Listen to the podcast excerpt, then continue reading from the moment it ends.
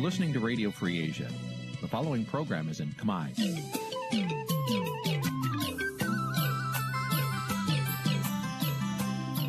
នេះជាកម្មវិធីផ្សាយ Vuthu Azizi Serai នេះជាកម្មវិធីផ្សាយរបស់ Vuthu Azizi Serai ជាភាសាខ្មែរ Vuthu Azizi Serai សូមស្វាគមន៍លោកអ្នកនាងទាំងអស់ពីរដ្ឋធានី Washington នៃសហរដ្ឋអាមេរិក បាទពីរដ្ឋធានីវ៉ាស៊ីនតោនខ្ញុំបាទសេកបណ្ឌិតសូមជម្រាបសួរអស់លោកអ្នកកញ្ញាទាំងអស់ជាទីមេត្រី បាទយើងខ្ញុំសូមជូនកម្មវិធីផ្សាយសម្រាប់រាត្រីថ្ងៃសុក្របាទពីកើតខែអាសត់ឆ្នាំឆ្លូវត្រីស័កពុទ្ធសករាជ2565ត្រូវនៅថ្ងៃទី8ខែតុលាគ្រិស្តសករាជ2021បាទជាដំបូងនេះសូមអញ្ជើញអស់លោកអ្នកនាងស្ដាប់ព័ត៌មានប្រចាំថ្ងៃដែលមានមេត្តាដូចតទៅ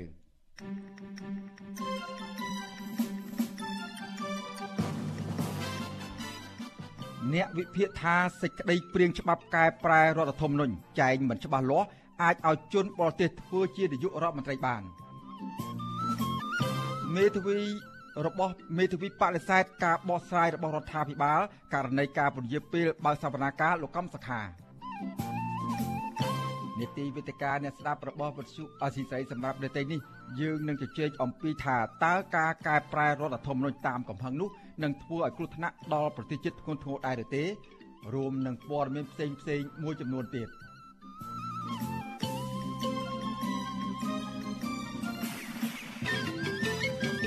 បាទជាបន្តទៅទៀតនេះខ្ញុំបាទសេកបណ្ឌិតសូមជូនព័ត៌មានពិស្ដាបាទលោកនាងកញ្ញាជាទីមេត្រីគណៈរដ្ឋមន្ត្រីរបបឯកបៈអនុម័តសេចក្តីព្រាងច្បាប់កែប្រែរដ្ឋធម្មនុញ្ញដើម្បីកំណត់សញ្ជាតិចំពោះមេដឹកនាំរដ្ឋាភិបាល សភាប្រសិទ្ធិនិងក្រមប្រឹក្សាធម្មនុញ្ញដោយតាមការចង់បានរបស់លោកនាយករដ្ឋមន្ត្រីហ៊ុនសែននៅថ្ងៃសុក្រទី8ខែតុលានេះបាទលោកហ៊ុនសែនក៏សន្យានៅក្នុងកិច្ចប្រជុំថាលោកនឹងចុះចេញពីតំណែងបើគេរកឃើញថាលោកមានសញ្ជាតិពីរបាទលោកក៏ពពៀនចំពោះអ្នកណាដែលហ៊ានប្រឆាំងនឹងការធ្វើច្បាប់នេះទោះយ៉ាងណាអ្នកវិភាគថាច្បាប់នេះចែងមិនច្បាស់លាស់ថាបុគ្គលដែលមានសញ្ជាតិខ្មែរតែមួយនោះជាកូនខ្មែរ ដែលមានសញ្ជាតិខ្មែរពីកំណើតនោះដែលជាករណីអាចបណ្ដេតបណ្ដោយឲ្យជនបរទេសដែលមានសញ្ជាតិខ្មែរអាចធ្វើជានាយករដ្ឋមន្ត្រីបាន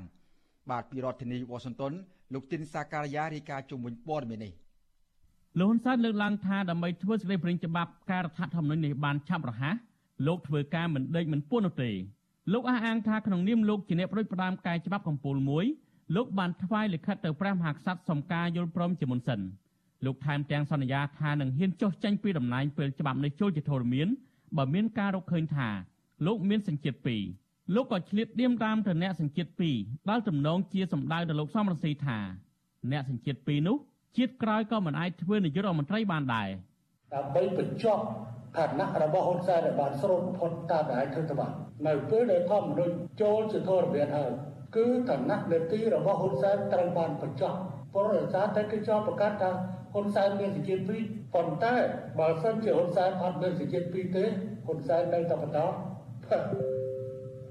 តើនឹងករណីចោទប្រកាន់ថាលោកហ៊ុនសែនលួចទិញសញ្ជាតិពីប្រទេសស៊ីបលោកបានបញ្ជាទៅរដ្ឋមន្ត្រីក្រសួងការបរទេសលោកប្រាក់សុខុននិងរដ្ឋមន្ត្រីក្រសួងយុទ្ធភ័ពផ្ញើកំណត់ទូតទៅរដ្ឋាភិបាលប្រទេសស៊ីបដើម្បីបកស្រាយបំភ្លឺលោកហ៊ុនសែនហាងដូចនេះក្នុងកិច្ចប្រជុំពេញអង្គគណៈរដ្ឋមន្ត្រីនៅថ្ងៃទី8ដុល្លារ ដើម្បីអនុម័តសេចក្តីព្រាងច្បាប់រដ្ឋធម្មនុញ្ញពីវិសោធនកម្មមាត្រា119ថ្មី មាត្រា82ថ្មី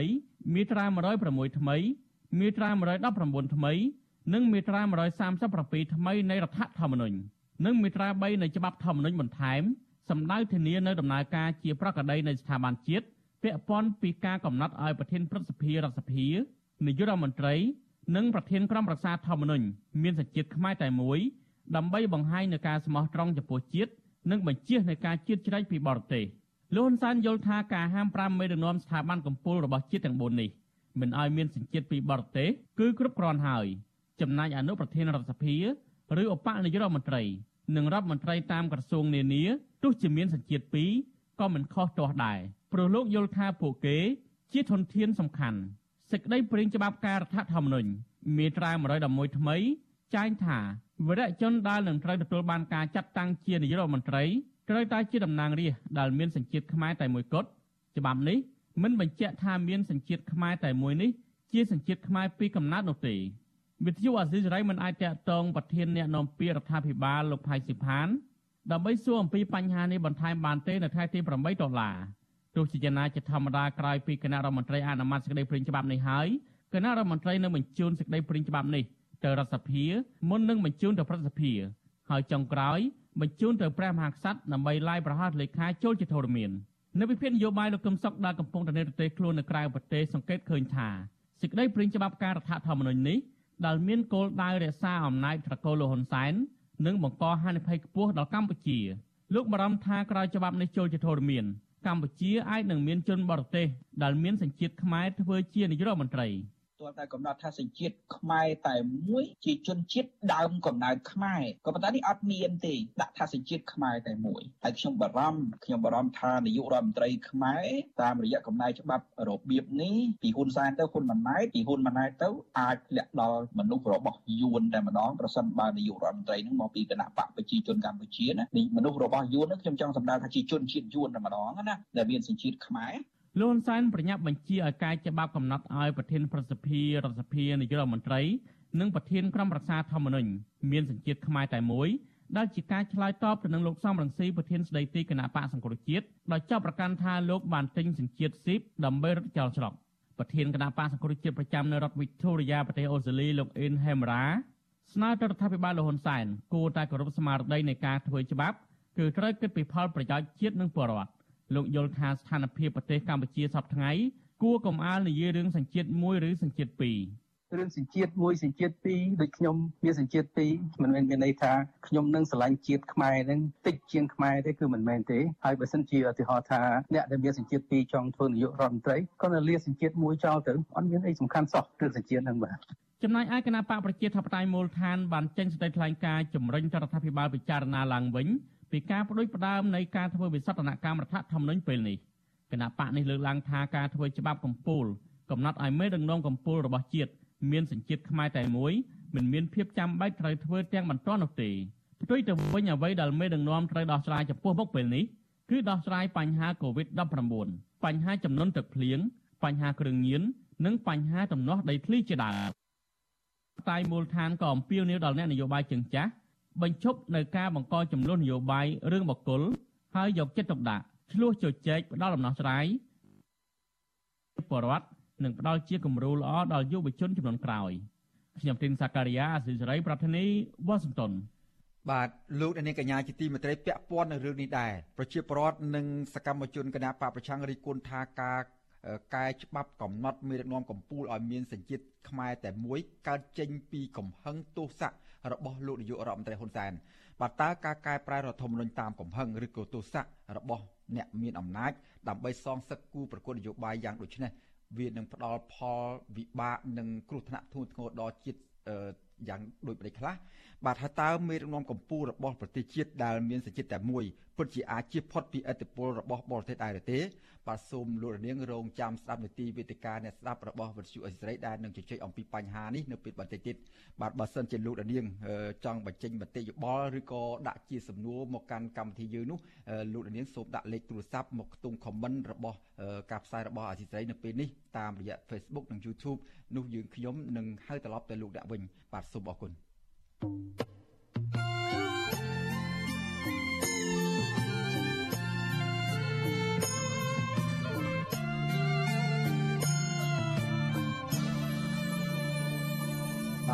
លោកនាងកញ្ញាជាទីមេត្រីងាកមកមើលសំណុំរឿងរបស់គណៈបកប្រឆាំងវិញម្ដង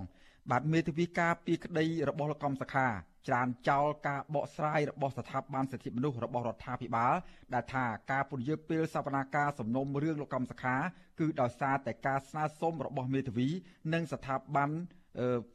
និងស្ថានភាពជំងឺ Covid-19 មិនទាន់បានធូរស្រាលបាទមេធាវីនិងអ្នកវិភាគនៅតែចាត់ទុកថា ការផ្អឹបសំណុំរឿងលោកកំសខានេះគឺជាចេតនានយោបាយដើម្បីកុំឲ្យមេបកប្រឆាំងរូបនេះមានឱកាសចូលរួមនៅក្នុងការបោះឆ្នោតនាពេលខាងមុខបាទពីរដ្ឋធានីវ៉ាស៊ីនតោនអ្នកស្រីម៉ៅសុធានីរាយការណ៍ជុំវិញព័ត៌មាននេះមេធាវីការពីក្តីរបស់លោកកឹមសុខាលើកឡើង ថាការបកស្រាយរបស់ស្ថាប័នសិទ្ធិមនុស្សរដ្ឋាភិបាលជំវិញការពជាពេល សំណុំរឿងលោកកឹមសុខា គឺជារឿងមិនត្រឹមត្រូវ និងមិនឆ្លោះបញ្ចាំងពីការពិតនោះឡើយ ចាសហមេធាវីការពីក្តីឲ្យលោកកឹមសុខាគឺលោកផែងហេងថ្លែងនៅថ្ងៃទី8ខែតុលាថាក្រមមេធាវីពិតជាធ្លាប់ស្នើសុំតឡាការលើកពេលសវនាការមែនក្នុងពេលដែលមានជំងឺ Covid-19 ផ្ទុះឡើងធ្ងន់ធ្ងរជាលើកដំបូង ក៏ប៉ុន្តែលោកថាក្រោយមកក្រមមេធាវីក៏បានដាក់លិខិតស្នើសុំជាច្រើនលើកឲ្យតុលាការបើកសវនកម្មឡើងវិញនៅពេលដែលស្ថានភាពជំងឺ Covid-19 បានធូរស្រាលខណៈដែលតុលាការបានបើកសវនកម្មទំនុំរឿងដទៃទៀតជាធម្មតា លោកបន្តថាតឡាកាគួរតែពិចារណាទៅលើសំណើរបស់ក្រមមេធាវីដែលសុំបន្តបើកសវនកម្មឡើងវិញចាំម្យ៉ាងវិញទៀតលោកផែងហេងយល់ថាតឡាកាគួរតែទម្លាក់ចោលការចាប់ប្រកាន់លើលោកកឹមសុខាដើម្បីរកដំណោះស្រាយនយោបាយនិងផ្សះផ្សាជាតិឡើងវិញពីព្រោះសំណុំរឿងនេះទាំងមជ្ឈដ្ឋានជាតិនិងអន្តរជាតិសុទ្ធតែចាត់ទុកថាជាសំណុំរឿងនយោបាយ។ បើយើងគោរពតាមច្បាប់ជាតិក្តីច្បាប់អន្តរជាតិក្តីអំពីសិទ្ធិរបស់ពលរដ្ឋការពញាពេលរោគយុទ្ធធរឲ្យ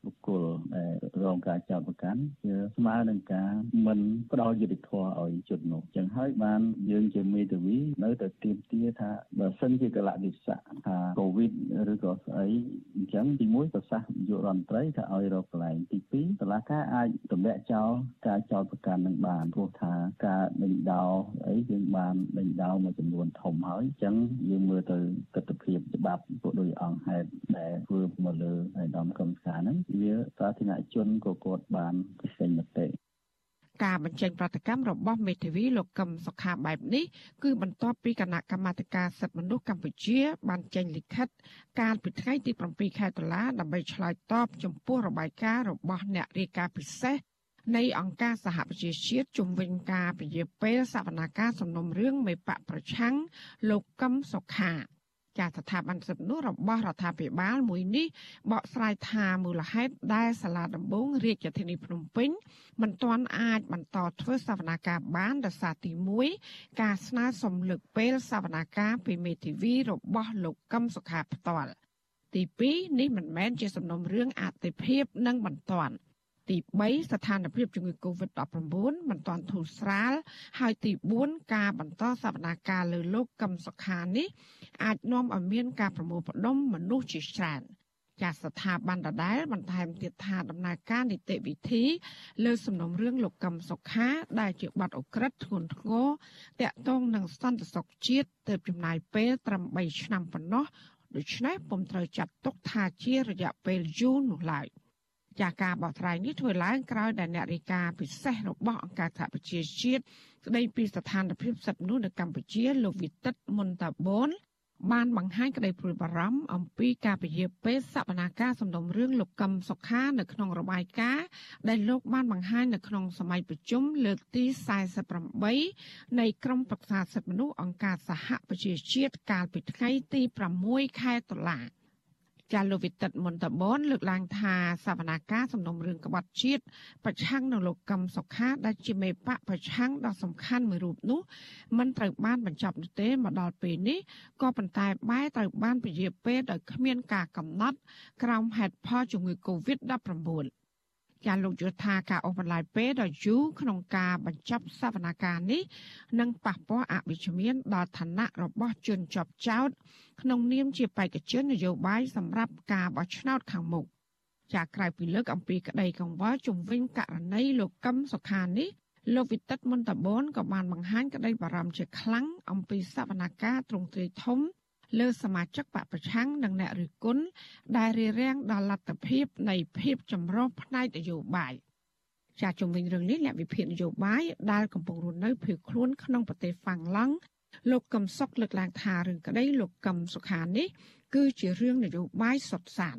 លោកថាការប្រពទុកសំណុំរឿងនេះគឺជាវិធីដែលរបបក្រុងភ្នំពេញព្យាយាមបិទឱកាសមិនឲ្យអ្នកប្រជាធិបតេយ្យរួបរวมគ្នាប្រកួតប្រជែងនៅក្នុងការបោះឆ្នោតនាពេលខាងមុខពីព្រោះខ្លាចបាត់អំណាចរបស់ក្រុមកុសាលោកហ៊ុនសែន។ ចាអ្នកវិភាគរូបនេះយល់ថាទោះបីជាលោកកឹមសុខាត្រូវបានហាមឃាត់សិទ្ធិធ្វើនយោបាយក្តីមេបកប្រឆាំងរូបនេះគួរតែប្រើប្រាស់សិទ្ធិក្នុងនាមជាប្រជាពលរដ្ឋដើម្បីជំរុញដំណើរការប្រជាធិបតេយ្យឡើងវិញមិនគួររក្សាភាពស្ងៀមស្ងាត់ដូចជាសពថ្ងៃនោះឡើយ និយាយរួមជាហេតុផលនយោបាយរបស់រដ្ឋាភិបាលលោកហ៊ុនសែនហើយគន្លឹះសំខាន់នៃហេតុផលរបស់ពួកគាត់ហ្នឹងគឺការខ្ទប់មិនឲ្យសម្លេងអ្នកដែលមាននិន្នាការប្រជាធិបតេយ្យនេះពួតផ្ដុំគ្នាចូលរួមប្រកួតប្រជែងនៅក្នុងការបោះឆ្នោតឆ្នាំ2022និងឆ្នាំ2023ដើម្បីលោកហ៊ុនសែនស្វែងរកឱកាសទូលាយបន្តិចក្នុងការផ្ទេរអំណាចរបស់គាត់ទៅកូនប្រុសរបស់គាត់ដូច្នេះវាមិនមែនជារឿងច្បាប់ទម្លាប់អ្វីនោះទេប្រសិនបើជារឿងច្បាប់ទម្លាប់មែនណាការចាប់មនុស្សម្នាក់ចោតរហូតទៅដល់ក្បត់ជាតិទាល់តែមានផោះតាងរឹងមាំណាស់យ៉ាងដូចនេះទេចាតឡាការក្រុងភ្នំពេញបានព្រាពេលសវនាការរឿងក្តីលោកកឹមសុខា តាំងតែពីខែមីនាឆ្នាំ2020រហូតមកទោះជាក្រុមមេធាវីមេបកប្រឆាំងរូបនេះបានដាក់សំណើសុំពន្លឿនជាច្រើនលើកយ៉ាងណាក្តី ជាចំហបែបនេះរបស់តុលាការគឺស្របទៅនឹងការចង់បានរបស់លោកនាយករដ្ឋមន្ត្រីហ៊ុនសែនដែលចង់ឲ្យសំណុំរឿងនេះដំណើរការនៅក្រៅការបោះឆ្នោតឆ្នាំ2022និងឆ្នាំ2023ខាងមុខចាំម្យ៉ាងវិញទៀតមេដឹកនាំរបបក្រុងភ្នំពេញនិងតុលាការបានចោទប្រកាន់លោកកឹមសុខាពេញពេញមាត់ថាបានប្រព្រឹត្តអំពើក្បត់ជាតិឬត្រូវរើគ្នាជាមួយបរទេស ដើម្បីផ្ដួលរំលំរដ្ឋាភិបាលលោកនាយករដ្ឋមន្ត្រីហ៊ុនសែនដោយមានអាមេរិកជាអ្នកនៅពីក្រោយខ្នងផងដែរប៉ុន្តែរយៈពេល4ឆ្នាំមកនេះទាំងលោកហ៊ុនសែននិងតឡាការរបស់លោកមិនបានបង្ហាញភ័ស្តុតាងរឹងមាំដែលគ្រប់គ្រងដល់ការចោទប្រកាន់លោកកឹមសុខានោះឡើយចាញាធិបប្រាតែវីដេអូឃ្លីបមួយដែលលោកកឹមសុខាបានថ្លែងអំពីការតស៊ូរបស់លោកដើម្បីលទ្ធិប្រជាធិបតេយ្យនៅកម្ពុជា ដើម្បីដាក់បន្ទុកលោកតែប៉ុណ្ណោះ ចាក្រមប្រទេសប្រជាធិបតេយ្យអង្គការសង្គមស៊ីវិលជាតិនិងអន្តរជាតិព្រមទាំងទីភ្នាក់ងារអង្គការសហប្រជាជាតិផ្នែកសិទ្ធិមនុស្សនៅតែទទួលស្គាល់លោកកឹមសុខាជាមនុស្សស្អាតស្អំដែលរងការចាត់ប្រកាន់ដោយអយុត្តិធម៌ចាពួកគេក៏បានស្នើយ៉ាងទទូចដល់របបលោកហ៊ុនសែនឲ្យទម្លាក់ចោលបទចោទប្រកាន់និងផ្ដល់សេរីភាពពេញលេញដល់លោកកឹមសុខា ដើម្បីឲ្យលោកអាចចាប់ផ្ដើមជីវិតនយោបាយបានដូចដើមឡើងវិញ ចាននាងខ្ញុំម៉ៃសុធានីវិទ្យុអាស៊ីស្រីប្រធានាធិបតី Washington បាទលោកនាងកញ្ញាជាទីមេត្រីលោកនាងកំពុងតាមដានស្ដាប់ការផ្សាយរបស់វិទ្យុអាស៊ីស្រីពីរដ្ឋធានី Washington សហរដ្ឋអាមេរិកបាទប្រជាពលរដ្ឋនិងសកម្មជននយោបាយរិះគន់ថាការកែប្រែច្បាប់មេដឹកនាំកម្ពុជាឲ្យមានសញ្ជាតិខ្មែរតែមួយកើតចេញពីកំហឹងឬក៏ទោសៈរបស់លោកនាយករដ្ឋមន្ត្រីហ៊ុនសែនបាទតើការកែប្រែរដ្ឋធម្មនុញ្ញតាមកំហឹងឬក៏ទោសៈរបស់អ្នកមានអំណាចនោះ ដើម្បីសងសឹកដល់គូប្រកួតប្រជែងនយោបាយនោះនឹងធ្វើឲ្យគ្រោះថ្នាក់ដល់ប្រទេសជាតិធ្ងន់ធ្ងរដែរឬទេបាទហើយថាតើមេដឹកនាំកម្ពុជារបស់ប្រទេសជាតិដែលមានសញ្ជាតិតែមួយពិតជាអាចជៀសផុតពីឥទ្ធិពលបរទេសដែរឬទេ បាទសូមលោកនាងរងចាំស្ដាប់ កិច្ចពិភាក្សាអំពីបញ្ហានេះនៅក្នុងនេតិវេទិកាអ្នកស្ដាប់របស់វិទ្យុអេស្ត្រេនៅពេលបន្តិចតិចនេះបាទហើយបើសិនជាលោកនាងចង់បញ្ចេញមតិយោបល់ឬក៏មានសំណួរសួរទៅវាគ្មិនរបស់យុផ្ទាល់ពាក់ព័ន្ធនឹងប្រធានបទនេះសូមលោកនាងដាក់លេខទូរស័ព្ទតាមខ្ទង់ comment របស់ការផ្សាយរបស់វិទ្យុអេស្ត្រេតាមរយៈ ប្រព័ន្ធ Facebook និង YouTube ដែលលោកនាងកំពុងតែទស្សនានៅពេលនេះលោកនាងនឹងទទួលទូរស័ព្ទពីយើងខ្ញុំហើយត្រឡប់ទៅលោកនាងវិញដើម្បីចូលរួមដាក់ជាសំណួរនិងចូលរួមមតិយោបល់នៅក្នុងកិច្ចពិភាក្សានេតិវិទ្យាអ្នកស្ដាប់វិទ្យុអសីស្រីនាពេលបន្តិចទៀតនេះបាទបាទពាក់ព័ន្ធនឹងបញ្ហាការពីប្រធានវិញម្ដងបាទសកម្មជនប្រធានជនជាតិអេស្ប៉ាញលោក Alex Alejandro Gonzalez Davidson ស្ថាបនិកមេដាស្ថាបនិកចលនាមេដាធម្មជាតិត្រូវបានអាជ្ញាធរខ្មែរបណ្តេញចេញពីកម្ពុជា កាលពីដើមឆ្នាំ2015គឺមានរយៈពេលជាង6ឆ្នាំមកហើយបាទទោះបីជាត្រូវបានរដ្ឋាភិបាលបណ្តេញលោកចេញពីកម្ពុជាក៏ដោយក៏លោកអាលិចបានចាក់ចេញតែខ្លួនប្រាណទេតែចិត្តគំនិតនិងសកម្មភាពរបស់លោក នៅតែបន្តធ្វើការងារជាមួយនឹងក្រមយុវជនខ្មែរដើម្បីការពារបរិស្ថាន។ បាទប៉ុន្តែសកម្មភាពនេះត្រូវបានជួបឧបសគ្គជាច្រើនរួមនឹងសហការីរបស់លោកត្រូវបានអាជ្ញាធរចោទប្រកាន់និងចាប់ខ្លួនជាបន្តបន្ទាប់ដោយរួមទាំងខ្លួនលោកផង បាទក៏ប៉ុន្តែជាបន្តបន្ទាប់ក៏ប៉ុន្តែជាក៏ប៉ុន្តែបណ្ដឹងនៅតុលាការនោះបាទសំទោសសំបីតែលោកអាលិចផ្ទាល់ក៏មានជាប់បណ្ដឹងនៅក្នុងតុលាការនោះដែរបាទតើអាលិចមានសកម្មភាពឬក៏កម្រងអ្វីខ្លះទៀតដើម្បីការពារធនធានធម្មជាតិនៅប្រទេសកម្ពុជានោះ បាទ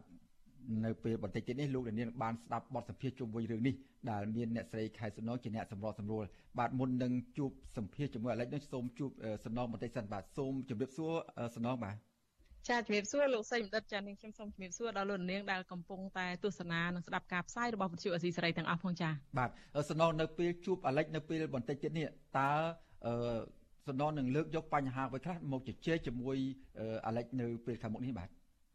ចាលោកសីបណ្ឌិតចាលោកនាងជាទីមេត្រីនៅពេលបន្តិចទៀតនេះដោយលោកសីបណ្ឌិតបានរៀបរាប់ពីខាងដើមអញ្ចឹងយើងនឹងមានកិច្ចសម្ភាសមួយជាមួយលោក Alejandro Gonzalez Davidson គាត់ជាស្ថាបនិកចលនាមេដាធម្មជាតិហ្នឹងដែលយើងដឹងទាំងអស់គ្នាហើយថាសហការីរបស់ Alex ហ្នឹងគឺកំពុងតែជាប់ឃុំហ្នឹង6នាក់ទៅហើយគឺជាយុវជនស្រឡាញ់បរិស្ថានការពារបរិស្ថាននោះចាហើយថាចង់ដឹងថាតើឥឡូវនេះ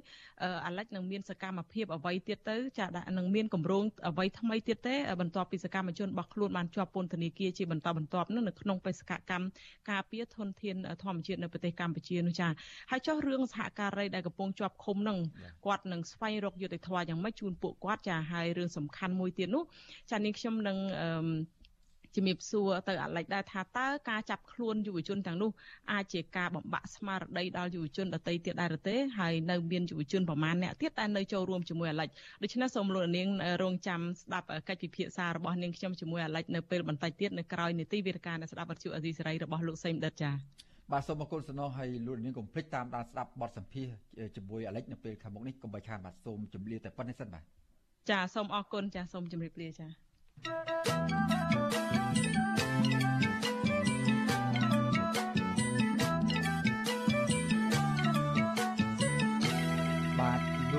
ញ្ញាជាទីមេត្រីលោកដែលនាងកំពុងតាមដានស្ដាប់ការផ្សាយរបស់វិទ្យុអេស៊ីស្រីពីរដ្ឋធានីវ៉ាស៊ីនតោនសហរដ្ឋអាមេរិកបាទលោកនាងក៏អាចស្ដាប់ការផ្សាយវិទ្យុអេស៊ីស្រីដំណើរគ្នានឹងការផ្សាយលើបណ្ដាញសង្គម Facebook និង YouTube តាមរយៈរលកធារកាសខ្លីឬ Shortwave តាមកម្រិតនិងកម្ពស់ដូចតទៅនេះបាទពេលព្រឹកចាប់ពីម៉ោង5កន្លះដល់ម៉ោង6កន្លះតាមរយៈរលកធារកាសខ្លី13715 kHz ស្មើនឹងកម្ពស់ 22m បាទនៅពេលយប់គឺចាប់ពីម៉ោង7កន្លះដល់ម៉ោង8កន្លះតាមរយៈរលកធារកាសខ្លី9960 kHz ស្មើនឹងកម្ពស់ 30m និង11240 kHz ស្មើនឹងកម្ពស់ 25m បាទសូមអរគុណបាទលោកនាងកញ្ញាជាទីមេត្រីពាក់ព័ន្ធនឹងស្ថានភាពជំងឺ Covid-19 វិញ បាទអ្នកជំងឺ Covid-19 ចំនួន18អ្នកទៀតបានស្លាប់ដែលធ្វើឲ្យករណីស្លាប់កើនឡើងដល់ជាង2400នាក់ហើយបាទចំណែកករណីឆ្លងថ្មីវិញក្រសួងសុខាភិបាលប្រកាសថាមានជាង200នាក់ដែលជាលទ្ធផលបញ្ជាក់ដោយម៉ាស៊ីនពិសោធន៍ PCR បាទនៅក្នុងរយៈពេលមួយសប្តាហ៍កន្លងមកនេះតួលេខអ្នកឆ្លងថ្មីដែលក្រសួងសុខាភិបាល ប្រកាសថាមានជាង200នាក់នៅក្នុងមួយថ្ងៃនោះក៏ប៉ុន្តែតួលេខនេះមិនបានរាប់បញ្ចូលលទ្ធផលដែលពិនិត្យតាមឧបករណ៍ធ្វើតេស្តរហ័សឬក៏ហៅថាឬក៏ហៅថា rapid test នោះទេបាទលោកនាយករដ្ឋមន្ត្រីហ៊ុនសែននៅថ្ងៃសុក្រនេះបានប្រកាសថាប្រសិនបើអត្រាឆ្លង នឹងស្លាប់ស្ថិតនៅក្នុងកម្រិតនេះក្នុងរង្វង់ពី10ទៅ15សំទោសក្នុងរង្វង់ពី10ទៅ15ថ្ងៃខាងមុខនោះកម្ពុជាអាចបើកសេដ្ឋកិច្ចនិងសង្គមឡើងវិញលើគ្រប់វិស័យបាទលោកបញ្ជាក់ថាការមិនបិទការឈប់សម្រាកឬក៏ដើរកំសាន្តរបស់ប្រជាពលរដ្ឋនៅក្នុងឱកាសបុណ្យភ្ជុំបិណ្ឌនោះគឺជាការសាកល្បងដ៏ធំរបស់រដ្ឋាភិបាលដើម្បីឈានទៅបើកប្រទេសឡើងវិញ។ បាទគិតត្រឹមព្រឹកថ្ងៃទី8ខែតុលាកម្ពុជាមានអ្នកកើតជំងឺ Covid-19 ជាង1.1ម៉ឺននាក់ក្នុងនោះអ្នកជាសះស្បើយមានប្រមាណ100,000នាក់បាទក្រសួងសុខាភិបាលប្រកាសថាគិតត្រឹមថ្ងៃទី7ខែតុលាម្សិលមិញរដ្ឋាភិបាលចាក់វ៉ាក់សាំងជូនដល់ប្រជាពលរដ្ឋគ្រប់អាយុបានជិត10លាននាក់ហើយបាទចំណែក កុមារនិងយុវជនដែលមានអាយុចាប់ពី6ឆ្នាំដល់17ឆ្នាំវិញក្រសួងបញ្ជាក់ថាចាក់វ៉ាក់សាំងបានជាង3លាន5សែននាក់ក្នុងចំណោមអ្នកដែលត្រូវចាក់វ៉ាក់សាំងសរុបចំនួនជិត4លាននាក់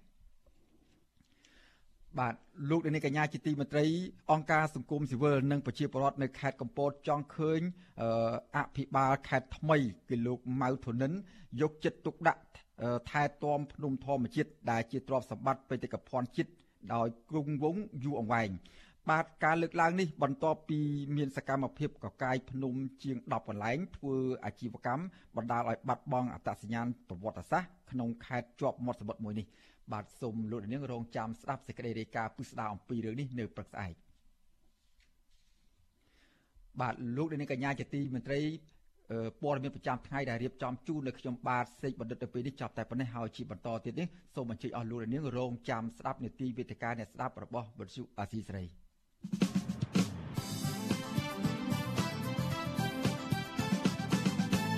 បាទ ខ្ញុំបាទសេកបណ្ឌិតសូមជម្រាបសួរអស់លោកនាងកញ្ញាជាថ្មីម្ដងទៀតនៅក្នុងនេតិវេទិកាអ្នកស្ដាប់របស់វិទ្យុអាស៊ីសេរីសម្រាប់នេតិនេះបាទនេតិនេះដូចបានជម្រាបជូនលោកនាងពីខាងដើមមកហើយថាយើងនឹងជជែកគ្នាអំពីការកំណត់ការកែប្រែរដ្ឋធម្មនុញ្ញថ្មីដែលកំណត់ឲ្យប្រធានសភាព្រឹទ្ធសភានាយករដ្ឋមន្ត្រីនិងប្រធានក្រុមប្រឹក្សាធម្មនុញ្ញនោះមានសេចក្ដីតែមួយបាទ ការដែលធ្វើច្បាប់ថ្មីកែតម្រង់ថ្មីនេះប្រជាពលរដ្ឋនិងអ្នកពិភាក្សាសង្គមព្រមទាំងស្ថាប័ននយោបាយផ្សេងផ្សេងអ្នកតាមដានស្ថានភាពនយោបាយនេះគាត់មើលឃើញថា ជាការដែលធ្វើឡើងដោយកំហឹងធ្វើឡើងដោយទោសៈពីលោកនាយករដ្ឋមន្ត្រីហ៊ុនសែនហើយពួកគាត់ថាតើមានចម្ងល់ថាតើការដែលធ្វើច្បាប់កែប្រែច្បាប់ដោយកំហឹងដោយទោសៈបែបនេះវានឹងផ្ដល់ផល ចំណេញបែបណាហើយវានឹងផ្ដល់វិបត្តិធ្ងន់ធ្ងរដល់សង្គមជាតិនៅពេលខាងមុខនេះបែបណាខ្លះបាទនៅក្នុងឱកាសនេះយើងបានអញ្ជើញអ្នកវិភាគពីររូបគឺទីមួយលោកបណ្ឌិតឡៅបង្ហៃដែលជាអ្នកវិភាគជើងចាស់លោកតែងតែចូលរួមផ្ដល់បទវិភាគផ្សេងផ្សេងតាក់ទងនឹងបញ្ហាសង្គមនិងនយោបាយជាបន្តបន្ទាប់ឥឡូវថ្ងៃនេះលោកនឹងមកវិភាគអំពីបញ្ហា ការកែតម្រង់ច្បាប់ថ្មីដែលកំណត់ឲ្យប្រធានរដ្ឋសភាប្រសិទ្ធិនាយករដ្ឋមន្ត្រីប្រធានក្រុមប្រឹក្សាធម្មនុញ្ញមានសេចក្តីតែមួយនោះវានឹងផ្ដល់ផលប៉ះពាល់យ៉ាងណាខ្លះដល់សង្គមខ្មែរហើយអ្នកវិភាគមួយរូបទៀតគឺលោកបណ្ឌិតសេងសេរី លោកក៏ចូលរួមនៅក្នុង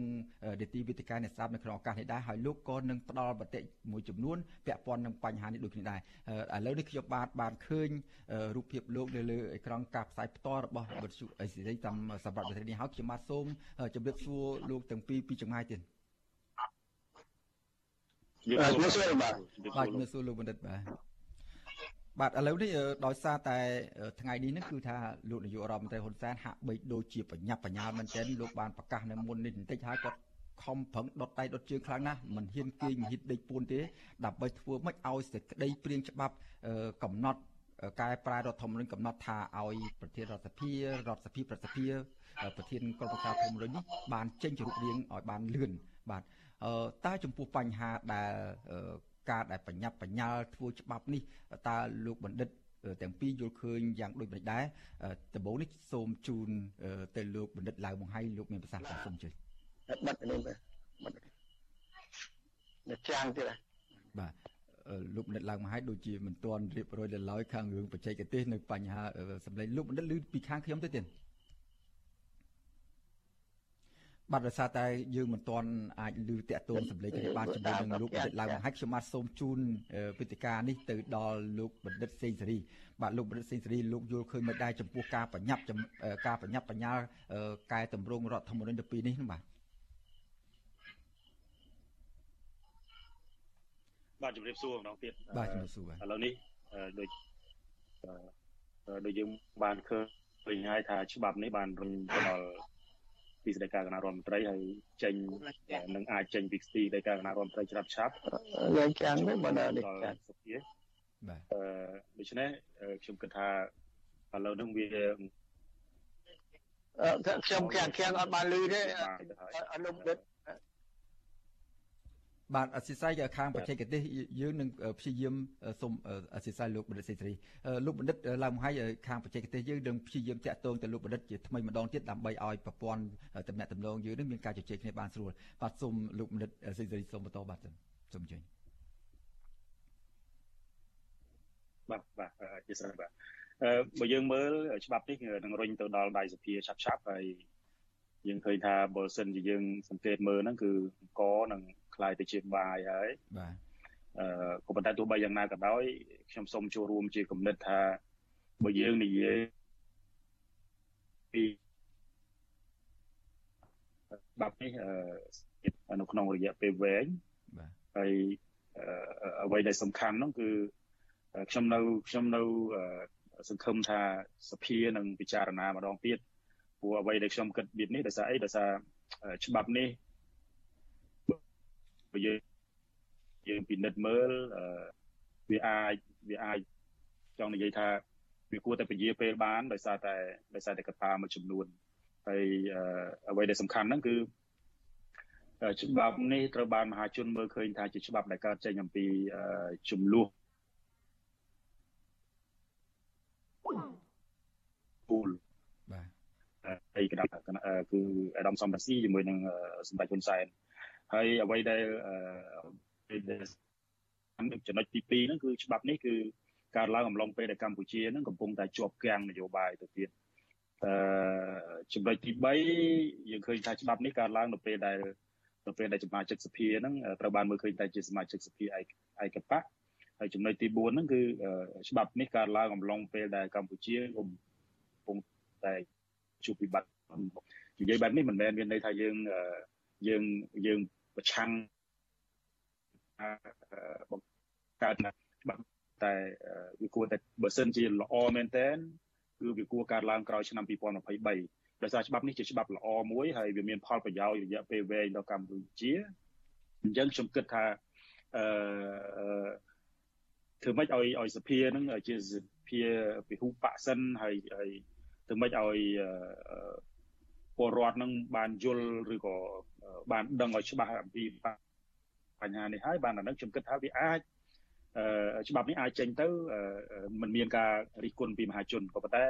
ក្នុងករណីបច្ចុប្បន្ននេះក្នុងករណីច្បាប់នេះចេញខ្ញុំគិតថាវាមិនបញ្ហាទេប៉ុន្តែនឹងមានការរិះគន់ពីមហាជនច្រើនបាទបាទ លោកបណ្ឌិតសេងសេរីចំណុចមួយទៀតដោយលោកបណ្ឌិតសេងសេរីបានលើកឡើងអំបញ្ញមិញនេះហើយថាពេលនេះច្បាប់នេះសេចក្តីព្រាយច្បាប់នេះដូចអង្គខ្លាយជាបាយហើយបើពាក្យខ្មែរមួយដែលធ្លាប់និយាយថាទោះបីជាមានការរិះគន់មិនដោយនឹងទោះបីជាមានការរិះគន់ទៅលើការធ្វើសេចក្តីព្រាយច្បាប់នេះយ៉ាងម៉េចក៏ដោយដោយពាក្យខ្មែរបានលើកសភាសិទ្ធខ្មែរបានលើកហើយថាឆ្កែជាជាព្រុសមនុស្សជាតដានេះជាពាក្យសភាសិទ្ធទេប៉ុន្តែចង់ប្រៀបន័យថាទោះបីមានការរិះគន់យ៉ាងណាក៏ដោយការធ្វើ នយោបាយដើម្បីយកឈ្នះយកចាញ់ដៃគូប្រកួតនយោបាយនោះគឺថាអត់មានទៅតែខ្វល់ទៅរឿងការរិះគន់អត់មានទៅតែខ្វល់គិតពិចារណាទៅលើវិបត្តិដែលកើតនៅក្រៅការចេញច្បាប់នោះហើយការកើតច្បាប់នេះហើយមានប្រសិទ្ធភាពដែរឬក៏អត់នោះអឺបន្ទាល់ពីនេះក្រៅពីសាច់ញាតិលោកនាយករដ្ឋមន្ត្រីហ៊ុនសែនអង្គការស្ថាប័នផ្សេងៗដែលគ្រប់គ្រងរដ្ឋាភិបាលនោះសូម្បីតែ ស្ថាប័នតុលាការដែលជាស្ថាប័នឯករាជ្យកម្ពុជាដែលគេចាត់ទុកថាជាស្ថាប័នកម្ពុជាឯករាជ្យនោះក៏មន្ត្រីធំធំថ្នាក់ជាន់ខ្ពស់នៅក្នុងស្ថាប័ននេះក៏ចេញសារគាំទ្រឲ្យមានកែតម្រង់រដ្ឋធម្មនុញ្ញចុងក្រោយនេះដែលកំណត់ឲ្យនាយករដ្ឋមន្ត្រីប្រធានក្រុមប្រឹក្សាធម្មនុញ្ញរដ្ឋសភាប្រសិទ្ធភាពមានសេចក្តីតែមួយនេះគាំទ្រប្រងព្រាតដែរចំពោះបញ្ហានេះលោកបណ្ឌិតសេនស៊ូរីមើលឃើញថាវាធ្វើឲ្យប៉ះពាល់ដល់ឯករាជ្យភាពនិងអភិក្រិតភាពរបស់ប្រព័ន្ធតុលាការនៅកម្ពុជាដែរទេបាទ បើយើងបើយើងពិនិត្យមើលព្រឹត្តិការណ៍ដែលកើតឡើងនេះគឺអានេះវាជាបើយើងបើយើងព្យាយាមមើលវាជាវាជាទម្លាប់របស់អ្នកនយោបាយធម្មតាអ្នកនយោបាយគឺត្រូវការការប្រកួតប្រជែងអំណាចអញ្ចឹងហើយយើងឃើញថាម្នាក់ម្នាក់ព្យាយាមប្រកាសដើម្បីឬក៏បញ្ហាដើម្បីធ្វើម៉េចយកមកវាយប្រហារដៃគូគ្នាដោយករណីយើងឃើញថាឯកឧត្តមសំ រងស៊ីបានបានលើកឡើងដោយសំអាងទៅលើកាសែត The Guardian របស់ចក្រភពអង់គ្លេសហ្នឹងយកមកហើយធ្វើឲ្យបញ្ហាហ្នឹងកើតឡើងហើយបន្ទាប់មកទៀតសម្ដេចហ៊ុនសែនក៏ប្រើយុទ្ធសាស្ត្រមួយគឺយុទ្ធសាស្ត្ររុញទូកបដោយ ទឹកដើម្បីរុញទៅម៉េចអឺភ្ជាប់បញ្ហាហ្នឹងទៅនឹងឆ្លើយតបទៅនឹងអ្វីដែលអៃដាសំអាដាមសំរងស៊ីលើកឡើងហើយចំណុចបន្ទាប់មកទៀតហ្នឹងគឺយើងឃើញថា អ្វីដែលអ្វីដែលសម្ដេចហ៊ុនសែនលើកឡើងនេះគឺថាជ្រុលតែអញ្ចឹងហើយលេងកំខឹងខឹងកំលេងអីអញ្ចឹងអានេះខ្ញុំគិតថាវាជារឿងវាជារឿងសាមញ្ញដែលអ្នកនយោបាយតែងតែតែងតែរកវិធីដើម្បីដើម្បីប្រកួតប្រជែងអំណាចនឹងគ្នាក៏ប៉ុន្តែរឿងដែលយើងឃើញថាមានការផុសផុលឲ្យពលរដ្ឋក្តីមន្ត្រីរាជការជាដើមអីហ្នឹងគ្រប់គ្រងដាក់ញត្តិគ្រប់គ្រងអីនេះគឺខ្ញុំគិតថារដ្ឋាភិបាលព្យា យាមរកការគ្រប់គ្រងពីពលរដ្ឋដែរមានន័យថាគំនិតផ្ដួចផ្ដើមនៅក្នុងការធ្វើវិសោធនកម្មរដ្ឋធម្មនុញ្ញនេះគឺផ្ដួចផ្ដើមចេញពីនាយករដ្ឋមន្ត្រីដែលស្របទៅនឹងរដ្ឋធម្មនុញ្ញក៏ប៉ុន្តែទន្ទឹមនឹងពេលហ្នឹងក៏ត្រូវការការគ្រប់គ្រងពីពលរដ្ឋដើម្បីឲ្យគេមើលឃើញថាច្បាប់នេះមិនមែនជាច្បាប់ដែលគ្រាន់តែស្នើពីនាយករដ្ឋមន្ត្រីទេក៏ប៉ុន្តែមានការគ្រប់គ្រងពីរាជការពីមានការគ្រប់គ្រងបានរដ្ឋផ្សេងផ្សេងទៀត រួមទាំងពលរដ្ឋផងដូច្នេះយើងយើងឃើញថាបើសិនជាច្បាប់នេះចេញមករដ្ឋាភិបាលមានសំអាងថាច្បាប់នេះមិនមែនជាច្បាប់ដែលផ្ដួចផ្ដើមចេញអំពីអឺនាយករដ្ឋមន្ត្រីតែម្នាក់ឯងទេគឺវាមានការគ្រប់គ្រងពីមហាជនផងដែរនេះវាជាអ្វីដែលដែលខ្ញុំឃើញថារដ្ឋាភិបាលព្យាយាមប្រឹងប្រែងធ្វើនៅចំណុចនេះបាទបាទ លោកបណ្ឌិតសេងសេរីនៅលើខ្ញុំទេបាទដូចជាសូមអធិស្ឋានថ្ងៃនេះប្រព័ន្ធទំនាក់ទំនងការពិភាក្សាគ្នាតាម Skype មានបញ្ហាបន្តិចបន្តួចដាច់រអាក់រអួលសូមអធិស្ឋានពីលោកនាងផងបាទលោកបណ្ឌិតសេងសេរីនៅលើពីខាងខ្ញុំទេបាទបាទលើបាទបាទបាទសូមលោកមានប្រសាសន៍បន្តមិញដាច់បន្តិចសូមបញ្ចប់ឃ្លាលោកបន្តិចបាទសូមអធិស្ឋាន អឺអ្វីដែលចង់លើកឡើងអឺគឺថាអ្វីដែលជាការបដួចផ្ដើមរបស់អឺសម្ដេចនាយករដ្ឋមន្ត្រីសម្ដេចហ៊ុនសែននេះគឺវាជាផ្នែកមួយហើយវាស្របទៅតាមរដ្ឋធម្មនុញ្ញមានន័យថាមានន័យថានាយករដ្ឋមន្ត្រីមានសិទ្ធិនៅក្នុងការស្នើសូមឲ្យមានការធ្វើវិសោធនកម្មរដ្ឋធម្មនុញ្ញអីនឹងជាដើមក៏ប៉ុន្តែយើងឃើញថាខេត្តអីបានជារដ្ឋាភិបាលនៅតែជំរុញឲ្យ មន្ត្រីរាជការជំរុញឲ្យពលរដ្ឋមានការគ្រប់គ្រងឬក៏ដាក់ញត្តិគ្រប់គ្រងទៅលើគំនិតផ្ដើមមួយនេះអញ្ចឹងមានន័យថារដ្ឋាភិបាលក៏ចង់បានការគ្រប់គ្រងពីមហាជនដើម្បីបញ្ជាក់ឲ្យឃើញថាគំនិតដូចផ្ដើមឬក៏ស្ដីស្ដីស្នើច្បាប់មួយនេះមិនមែនមិនមែនគ្រាន់តែជាការដូចផ្ដើមចេញពីនាយករដ្ឋមន្ត្រីតែម្នាក់ឯងទេគឺមានការគ្រប់គ្រងពីមហាជនទូទៅមានការគ្រប់គ្រងពីពលរដ្ឋហើយក៏មានការគ្រប់គ្រងពីមន្ត្រីរាជការដែរ អានេះគឺជាអ្វីដែលខ្ញុំមានការបង្ហាញទៅប្រទេសគ្រប់គ្រងទៅលើកម្រិតផ្លូវដើមនៃការបង្កើតច្បាប់នេះបាទបាទបាទអឺពាក់ព័ន្ធនឹងការផ្ដួចផ្ដើមឬមួយក៏ធ្វើច្បាប់កែរដ្ឋធម្មនុញ្ញដោយបញ្ញាប់បញ្ញាល់តាមកំហឹងឬក៏តាមទូស័ករបស់លោកនាយករដ្ឋមន្ត្រីហ៊ុនសែននេះបើយើងសង្កេតពីសាវតាកន្លងមកនោះមិនមែនជាលើកទី1ទេ កើតឡើងជាញឹកញាប់មកហើយបើយើងសង្កេតកាលពីសម័យព្រះអង្គម្ចាស់រតមរានរិទ្ធលោកនាយករដ្ឋមន្ត្រីខឹងព្រះអង្គម្ចាស់រតមរានរិទ្ធនោះក៏បានតាក់តែងច្បាប់មួយបន្ទាន់ដែរគឺច្បាប់ឯកពន្ធភាពក៏ប៉ុន្តែបើយើងតាមដានមើលទៅច្បាប់ឯកពន្ធភាពដែលចេញបញ្ញាប់បញ្ញាល់ពេលនោះរហូតមកដល់ពេលនេះដូចជាមិនសូវជាមានយកមកអនុវត្តឲ្យឲ្យបានទូលំទូលាយហើយឲ្យត្រូវក្នុងកលតិស័កនោះឡើយទេបាទហើយ ក្រោយមកទៀតយើងក៏សង្កេតឃើញដែរនៅពេលដែលលោកនាយករដ្ឋមន្ត្រីហ៊ុនសែនតដែលនឹងលោកខឹងទៅលើទៅលោកកំសខាប្រធានគណៈបកសង្គ្រោះជាតិកាលនោះនោះដែលពាក់ព័ន្ធទៅនឹងលោកថាគុកទួលស្លែងជាគុកសពនិមិត្តនៅក្នុងរបបខ្មែរក្រហមនោះអឺលោកក៏បានបញ្ជាឲ្យគេធ្វើច្បាប់មួយដែលយ៉ាងបញ្ញាប់ដែរគឺថាធ្វើច្បាប់កែប្រែច្បាប់ធម្មនុញ្ញនេះគឺថាយក ប្រឆាំងអ្នកណាដែលនិយាយថារបបខ្មែរក្រហមនោះគុកខ្មែរក្រហមជាគុកសពនិមិត្តនេះនៅមានច្បាប់ជាច្រើនទៀតដែលបានធ្វើឡើងដោយកំហឹងដែលធ្វើឡើងដោយចង់ចាញ់ផ្ចាលចង់ដាក់សម្ពាធទៅលើគូនយោបាយដែលកំពុងតែប្រកួតប្រជែងជាមួយគ្នាយ៉ាងស្វិតស្វាញនោះតើតើនឹងបញ្ហានេះចង់ជំរាបសួរទៅលោកបណ្ឌិតសេសេរីបន្តទៀតថា នៅពេលដែលអ្នកមានអំណាចអ្នកគ្រប់គ្រងប្រទេសបច្ចុប្បន្ន ចង់ធ្វើច្បាប់ចង់កែរដ្ឋធម្មនុញ្ញចង់ធ្វើអីស្រេចតែអំពើចិត្តហើយឬមួយក៏ធ្វើដើម្បីតាមកំហឹងតាមទូស័កតាមការចង់ផ្ចាញ់ផ្ចាលគូប្រជានយោបាយយ៉ាងដូចនេះវាកន្លងមកតាមការពិនិត្យរបស់លោកបណ្ឌិតនេះឃើញថាវាចំណេញមានផលចំណេញអីខ្លះហើយបើសិនជាវានិយាយពីផលប៉ះពាល់វិញវាប៉ះពាល់ទៅលើផ្នែកអីខ្លះដែរលោកបណ្ឌិតបាទសូមជឿតែខ្ញុំខ្ញុំសង្កេតឃើញថាបើយើងពិនិត្យមើលត្រឹមក្រោយឆ្នាំ2017អឺ មុនឆ្នាំ2017យើងឃើញថាសភានៅពីហួតតែក្រោយឆ្នាំ2017នេះគឺសភាត្រូវបានខ្លាយទៅជាសភាឯកបោយើងឃើញតែច្បាប់ជាង70ច្បាប់កើតឡើងហើយក្នុងនោះច្បាប់ខ្លះក៏ត្រូវមានការរិះគន់ពីមហាជនច្បាប់ខ្លះក៏មិនមានការរិះគន់ពីមហាជននៃជាដើមអឺទោះបីយ៉ាងណាក៏ដោយយើងឃើញថាច្បាប់ដែលសម្រាប់ខ្ញុំខ្ញុំផ្ដល់ជាន័យទូទៅថា ច្បាប់ដែល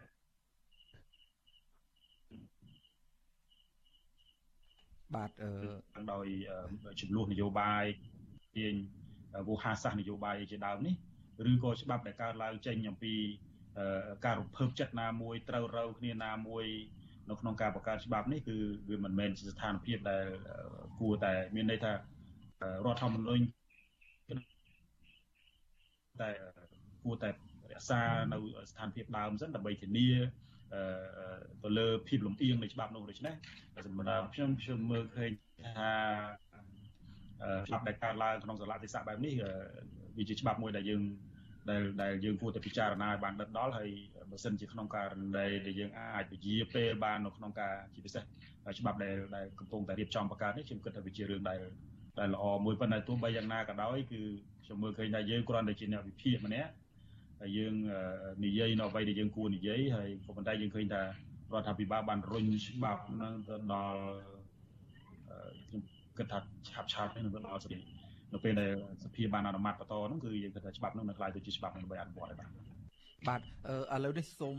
ងាកទៅលោកបណ្ឌិតឡៅមង្ហៃវិញម្ដងឥឡូវនេះយើងភ្ជាប់លោកបណ្ឌិតឡៅមង្ហៃបានហើយលោកបណ្ឌិតដូចបានដូចខ្ញុំបានជម្រាបសួរ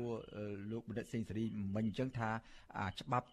ការកែប្រែរដ្ឋធម្មនុញ្ញធ្វើដោយកំហឹងធ្វើដោយទូស័កហើយបញ្ញាប់បញ្ញាល់នេះមិនមែនជាលើកទី1ទេលោកនាយករដ្ឋមន្ត្រីហ៊ុនសែនធ្លាប់ធ្វើច្រើនដងមកហើយកាលពីសម័យព្រះអង្គចាស់រតមរានរិទ្ធមានច្បាប់ឯកពន្ធភាពហើយចំនួនក្រោយក្រោយមកទៀតកាលពីឆ្នាំ2013នេះគឺក៏បានធ្វើច្បាប់បញ្ញត្តិបញ្ញត្តិមួយដែរដោយប្រឆាំងទៅលោកកំសខាប្រធានគណៈបាសង្គ្រោះជាតិដែលលោកថាថ្លែងថាគុកទួលស្លៃជាគុកសព្វនិមិត្តនោះ ចង់ជំរាបសួរលោកបណ្ឌិតថាតើសាវតាកន្លងមកនឹងការដែលតែងច្បាប់បញ្ញត្តិបញ្ញល់នឹងវាបានទទួលផលប្រយោជន៍យ៉ាងច្បាប់ដែលចេញដោយបញ្ញត្តិបញ្ញល់នោះហើយផ្ទុយទៅវិញបើមិនទទួលបានផលអីណាស់ណាទេជាគុណវិបត្តិទៅវិញជាវាទាំងផ្ដល់នៅតម្លៃយ៉ាងដេចគ្រោះថ្នាក់ដល់ជាតិយ៉ាងម៉េចសម្រាប់ការអនុវត្តច្បាប់ជាបន្តប្រទៀតនោះបាទសូមអញ្ជើញលោកបណ្ឌិតមុនមុនមុនឈានដល់ហ្នឹងខ្ញុំ ហើយយើងគួរតែគិតពិចារណាបាទមើលហេតុផលនៃគំនិត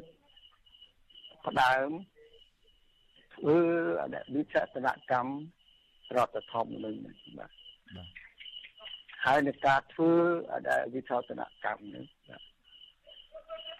ខ្ញុំឃើញថាដូចជាដែលអត់មានន័យ មិញហ្នឹងគឺលោកសេចមនុស្សលើកឡើងនៅថាវាបានផលប្រយោជន៍អីខ្លះដូចតែអត់មានផលប្រយោជន៍អីមិនបានចឹងបាទទីមួយមកទៅសពមកទៅសោះឲ្យទៅថ្ងៃមុខបាទតើមានអ្នកនយោបាយណាដែលអឺ អាចទៅជាធ្វើនាយករដ្ឋមន្ត្រីបានបាទគឺអត់ទាន់មានឃើញលេចធ្លោអីទេបាទទេមានតែដែលសំឡងស៊ីបាទដែលជាពលមួយនៃដែលនយោបាយខ្មែរបាទចាហើយគឺគាត់គឺដែលបើថាតម្រង់ទៅឲ្យបើតាមមើលដែលសារតាម Facebook របស់សម្ដេចនាយកបាទ ហើយនិយាយប្រកាសខណ្ឌចុងក្រោយហ្នឹងបាទដូចជាបាទប្រតិកម្មទៅនឹងដែលសមមកស៊ីទេបាទហើយគឺដល់គាត់អនិយាយជាក់លាក់ថែមទៀតគឺរឿងនាយករដ្ឋមន្ត្រី គឺដាក់ដូចជាថាទប់ស្កាត់កុំឲ្យសមរង្ស៊ីឡើងធ្វើនាយករដ្ឋមន្ត្រីបានក៏មិនសមរង្ស៊ីហ្នឹងគឺបើថាតំណងទៅសមរង្ស៊ីមកសំរងស៊ីស្អីឥ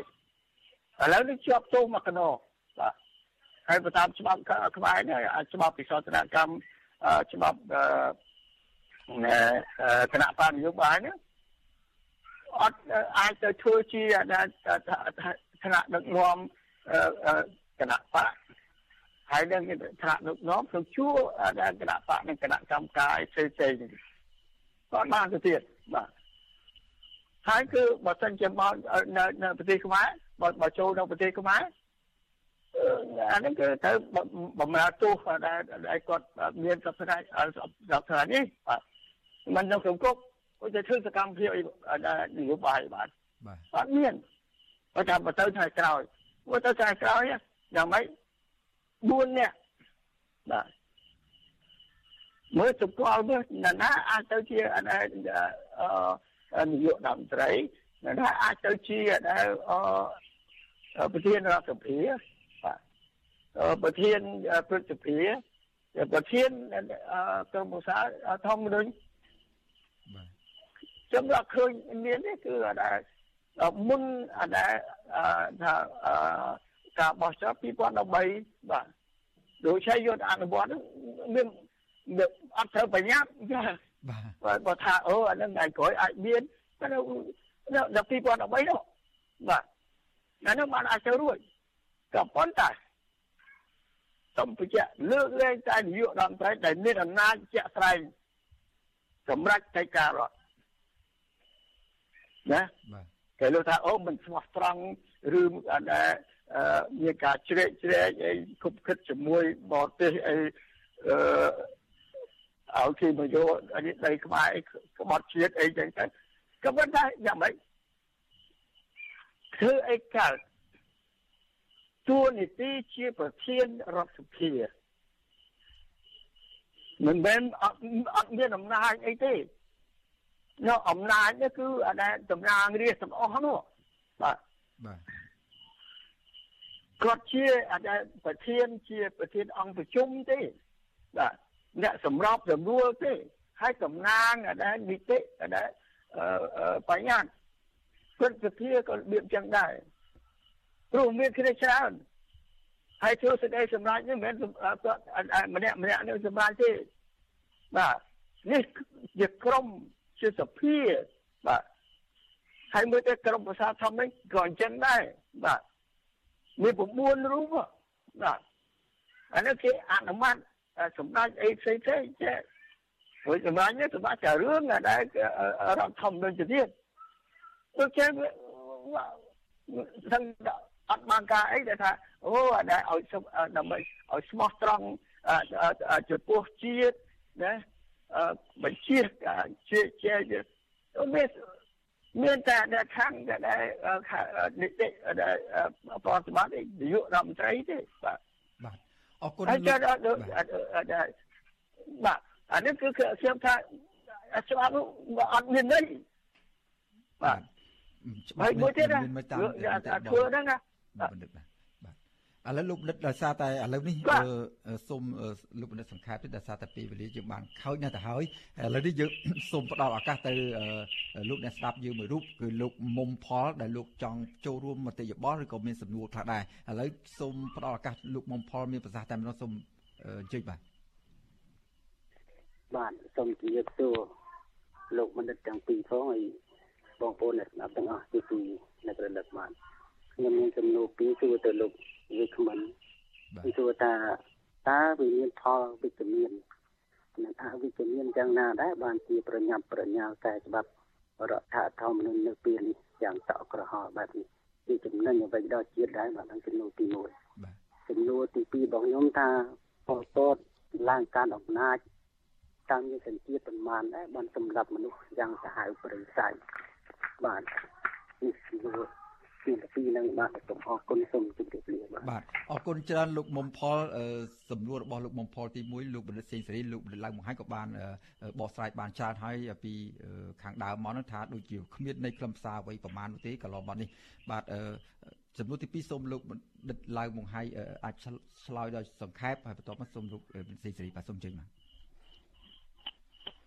ខ្ញុំដូចបានឆ្លើយហើយមិនហ្នឹងបាទ ចា៎បាទចុះលោករដ្ឋសេងសេរីមានអីឆ្លើយតបជាមួយលោកមុំផលដែរទេបាទសូមសង្ខេបបាទអឺបើយើងនិយាយអំពីរឿងចំណេញខ្ញុំខ្ញុំមានទស្សនាដូចខ្ញុំបានលើកឡើងបើយើងនិយាយយើងត្រូវបែងចែកដាច់អំពីអំពីតួច្បាប់ហ្នឹងអំពីសេចក្តីជាខ្លឹមសារនៃច្បាប់ហ្នឹងហើយជាមួយនឹងនីតិវិធីខ្ញុំខ្ញុំដូចខ្ញុំបាន រក្សានៅចំហថាខ្ញុំគ្រប់គ្រងទៅលើច្បាប់ច្បាប់មួយនេះហើយវាមានប្រយោជន៍ជាពិសេសប្រយោជន៍រយៈពេលវែងទៅដល់មនុស្សចំនួនក្រោយប្រយោជន៍យ៉ាងម៉េចប្រយោជន៍ទី1គឺអឺវាអាចធ្វើឲ្យអាចរន់នៃនៃជាតិនិយមអ្នកនយោបាយហ្នឹងវាមានវាជំរុញឲ្យអឺពលរដ្ឋនឹងមានទំនុកចិត្តកាន់តែថែមឡើងបន្តទៅទៀតចំពោះអ្នកនយោបាយដែលដឹកនាំស្ថាប័នកម្ពុជាទី2យើងឃើញថាច្បាប់នេះ វាវាមានប្រយោជន៍ត្រង់ថាវានឹងបង្ហាញទៅ ច្បាស់ថាមេដឹកនាំដែលដែលជាអ្នកដឹកនាំកម្ពុជាហ្នឹងគឺមានភក្ដីភាពចំពោះជាតិទោះបីជាបើសិនជាយើងនិយាយថាដូចខ្ញុំព្យាយាមភ្ជាប់ចម្លើយទៅនឹងសំណួរទី2ថា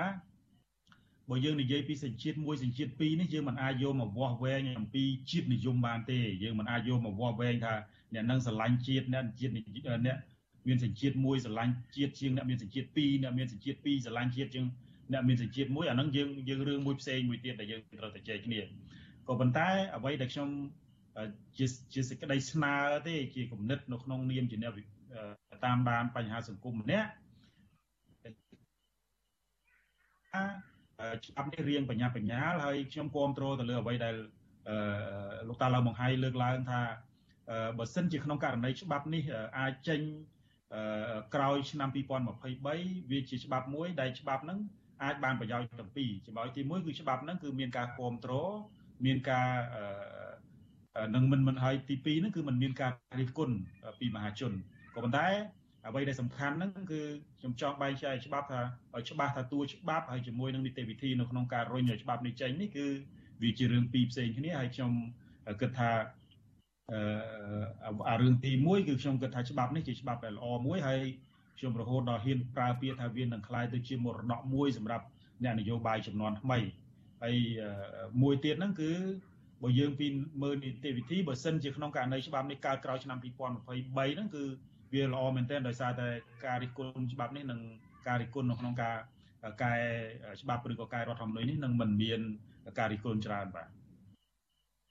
បាទសូមងាកទៅលោកបណ្ឌិតឡើងមហាយវិជ្ជពាក់ព័ន្ធនឹងសំណួរថាបើសិនជាការកំណត់មេដឹកនាំកម្ពុជារបស់ជាតិមានសញ្ជាតិតែមួយតើការកំណត់បែបនេះអាចធានាបានទេថាពួកគាត់នឹងនឹងអត់រងសម្ពាធអត់មានរោគឥទ្ធិពលពីប្រទេសជិតខាងឬមួយក៏ពីបរពីរដ្ឋបរទេសនោះបាទសូមអញ្ជើញលោកលោកបណ្ឌិតឡើងមហាយបាទខ្ញុំសូមលើកយកករណីជាក់ជាក់លាក់ចែកត្រែងទៅទៀតបាទបាទ តែកំពុងតែកំពុងតែដោះស្រាយសពថ្ងៃនេះបាទអឺគេមិនអាចដែលដែលជឿថាបាទ